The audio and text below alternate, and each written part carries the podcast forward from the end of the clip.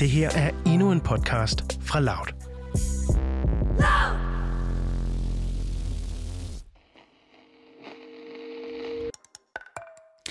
Året er 2015, da franske François Devaux bliver ringet op af politiet. De er i gang med en undersøgelse af en katolsk præst. François ved udmærket, hvem præsten er, og er først sådan, jamen, den her historie er jo overstået. Den er ude af verden, der er taget hånd om ham. Men gennem samtalen med politiet går det op for François, at den her mand, stik imod hvad François troede og havde fået fortalt, altså fortsat arbejder som præst og fortsat har adgang til børn. Og det til trods for, at kirken tilbage i 1991 havde lovet hans forældre, at lige præcis den her præst aldrig mere skulle have lov til at arbejde med børn. I realiteten havde præsten dog bare fået øh, en seks måneders karantæne, før han igen var tilbage i almindeligt sovnarbejde, bare et andet sted. Og faktisk så var der talrige gange, hvor kirken ikke havde stoppet den her præst.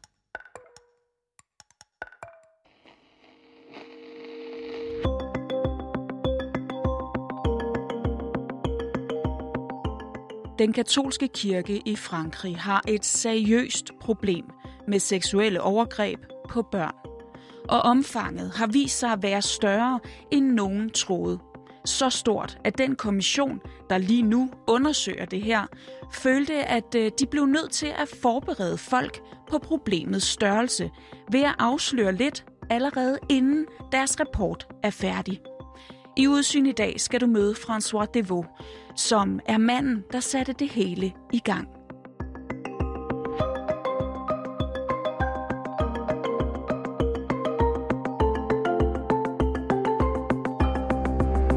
Du lytter til Udsyn.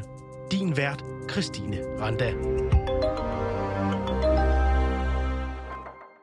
C'est même un, c'est un tsunami, hein. c'est un raz-de-marée. On est... Det er som en tsunami. Det er en kæmpe oversvømmelse.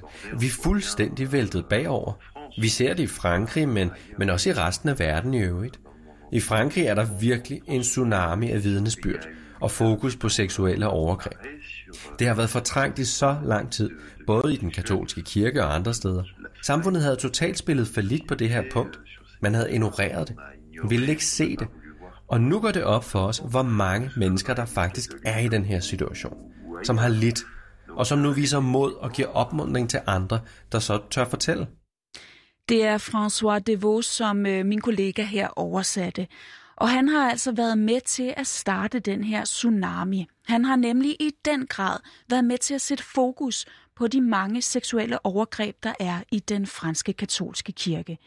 For øh, det er der altså virkelig kommet fokus på i Frankrig.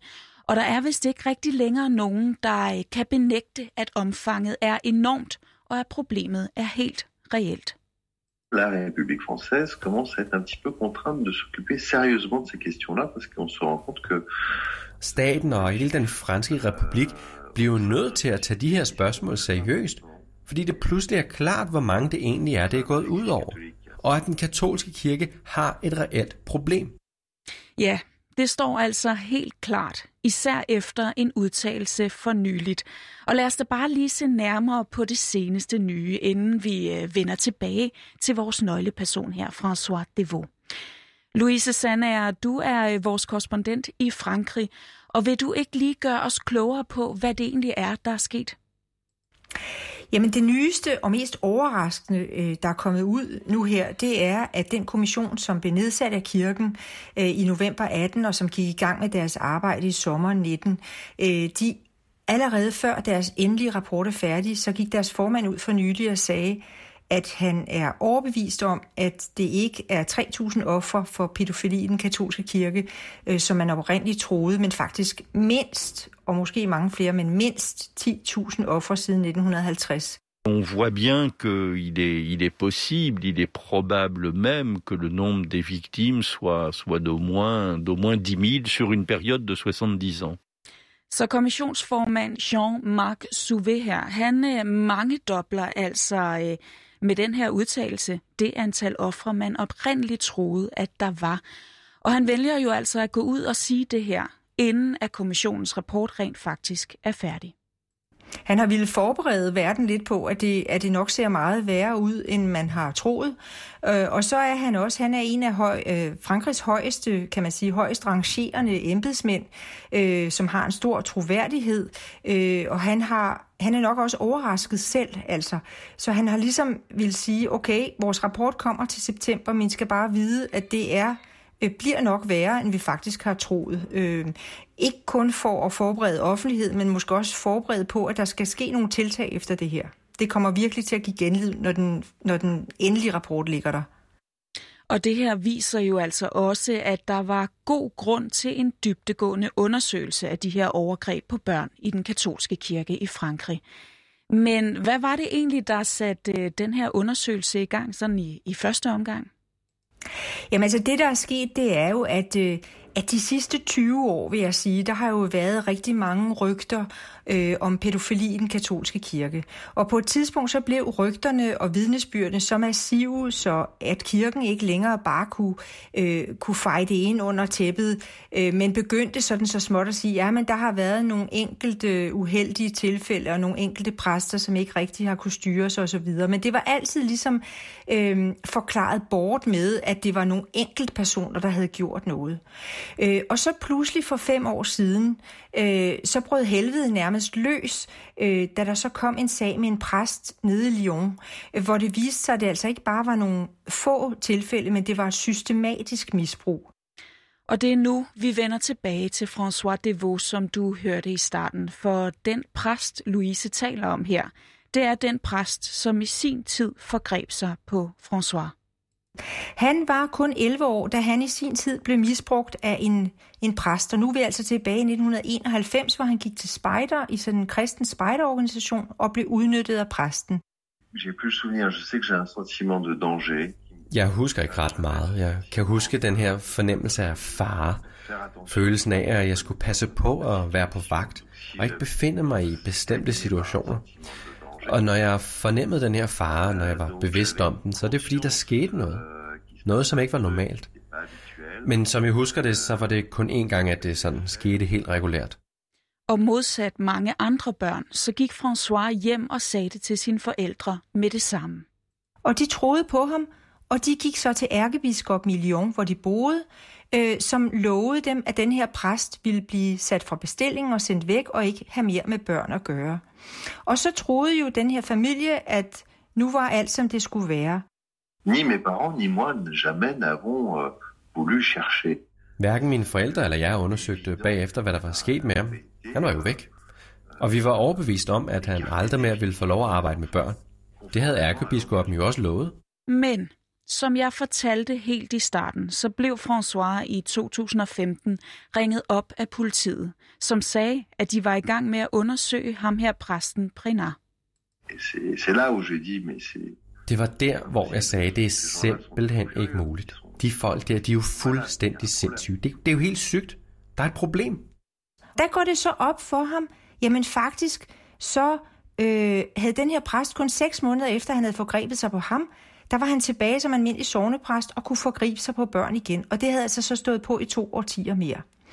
Så blev han så vred øh, over, at kirken havde gjort det her, at han lavede en organisation, en forening, der hedder La Parole Libérée, altså det er noget med det, det befriede ord, kan man sige, eller ordet bliver sat frit, og hvor han inviterede andre ofre for den her præst, for den her specifikke præst.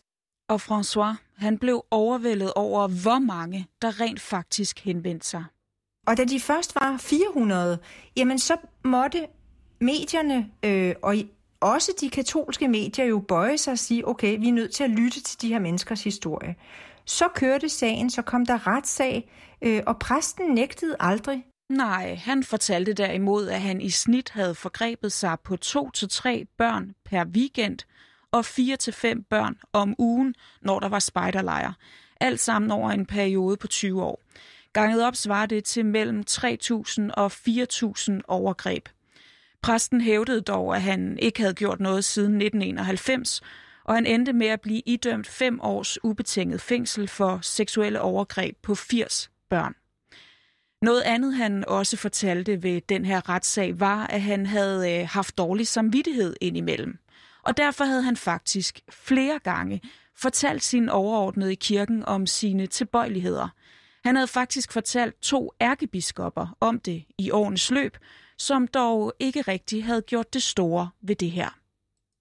Øh, ærkebiskoppen, den daværende, altså her for nogle år siden, biskop, ærkebiskop, øh, han blev faktisk også øh, tiltalt. Han blev tiltalt for meddelagtighed, ikke fordi han havde gjort noget selv, men fordi det viste sig, at den her præst allerede i 2007 havde sagt det til ærkebiskoppen, der hed øh, Philip Barbarin, som også var en kardinal, det vil sige en meget, meget højtstående i den katolske kirke. 2007 siger præsten, der hedder Bernard Prenet, til øh, kardinalen her, jamen altså, jeg har gjort de her ting.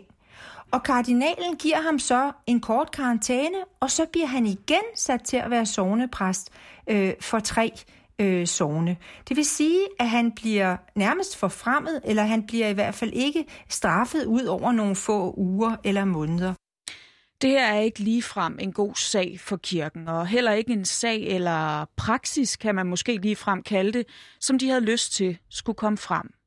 Kirken selv har jo på alle måder modarbejdet, at de her historier kom frem.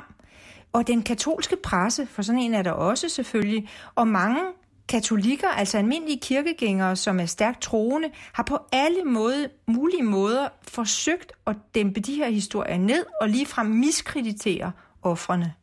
Og det stikker altså ret dybt det her. For øh, lad os lige vende tilbage til François og hans forældres reaktion, da han med det samme gik hjem og fortalte dem, hvad der var sket. De troede på ham, forældrene, og de kæmpede for at få præsten fjernet. Men Louise, er, øh, er det den normale reaktion?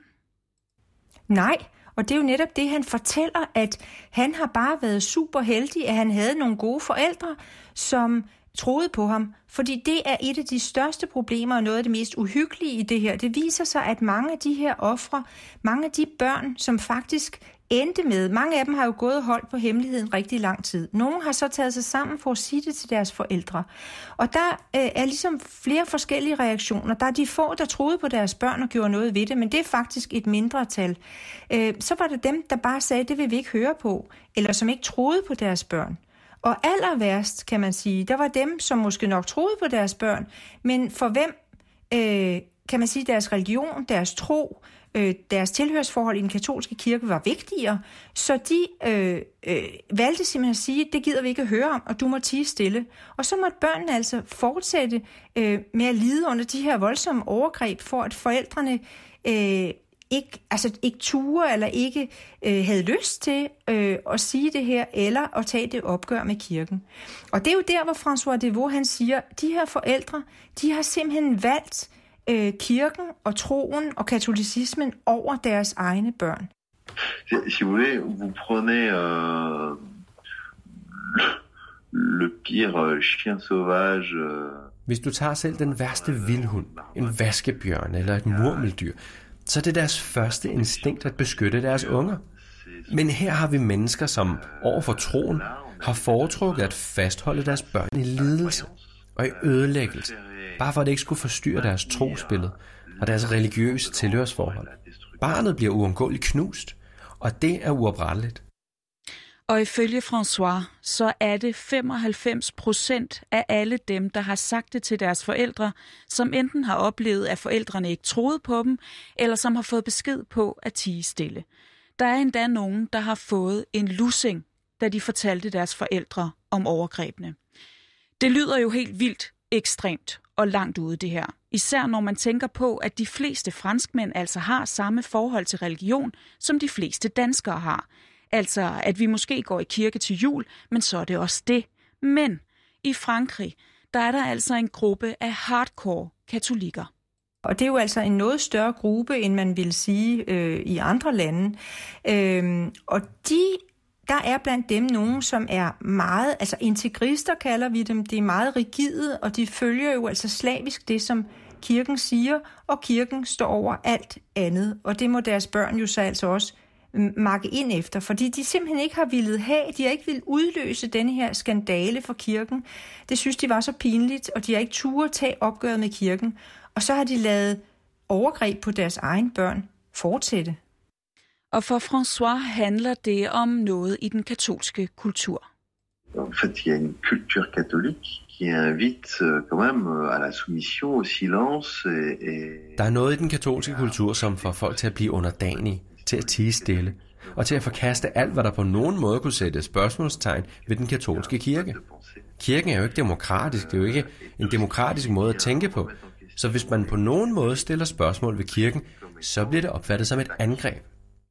Men blandt andet på grund af François og hans forening, og på grund af den her kommission, vi talte om tidligere, så er der nu efterhånden kommet så mange sager frem, at end ikke kirken kan benægte problemet. Og altså især ikke efter ham der kommissionsformandens udtalelser for nyligt. Altså, hvor der tidligere, øh, kan man sige, særligt i den katolske presse, øh, sådan bestillet spørgsmålstegn ved, om det her folk gik ud og sagde overhovedet var rigtigt osv. Man beklikkede altså deres troværdighed. Øh, så er der ikke nogen, der har gjort det denne her gang.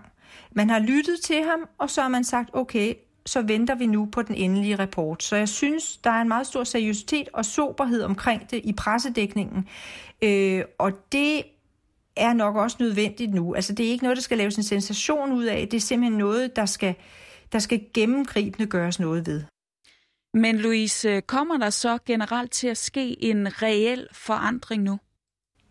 Ja, det er der slet ikke nogen tvivl om.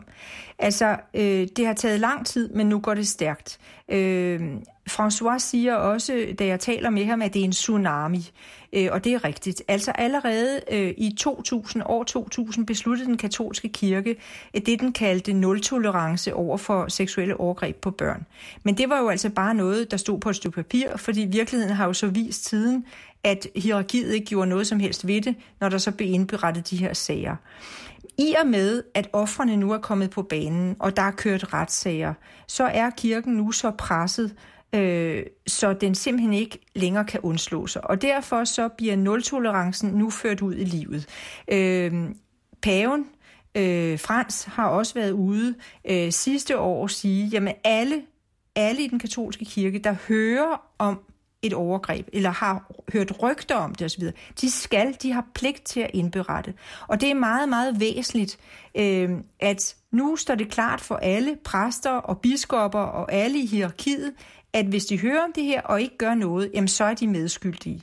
Det vil sige, at der er en total øh, forandring indenfra i kirken. Det kommer nok til at tage et stykke tid, inden alle gør, som de skal, men dog står det klart, at det ikke længere accepteres, at man dækker over de her sager. Og derudover så spiller det altså også ind, at der lige nu generelt er et fokus i Frankrig på de her overgreb på børn, sådan helt generelt. Fordi det har altså vist sig, sådan helt generelt, at være et langt større problem, end de fleste nok havde troet. Nye undersøgelser her inden for de sidste par måneder har vist, at hver tiende franskmænd har været udsat for incest. Så det er jo altså noget, der er meget betændt, øh, og som ikke kun ligger i den katolske kirke, men faktisk i hele samfundet, og det skal der ryddes op i, og det er der kommet meget fokus på her de sidste par måneder.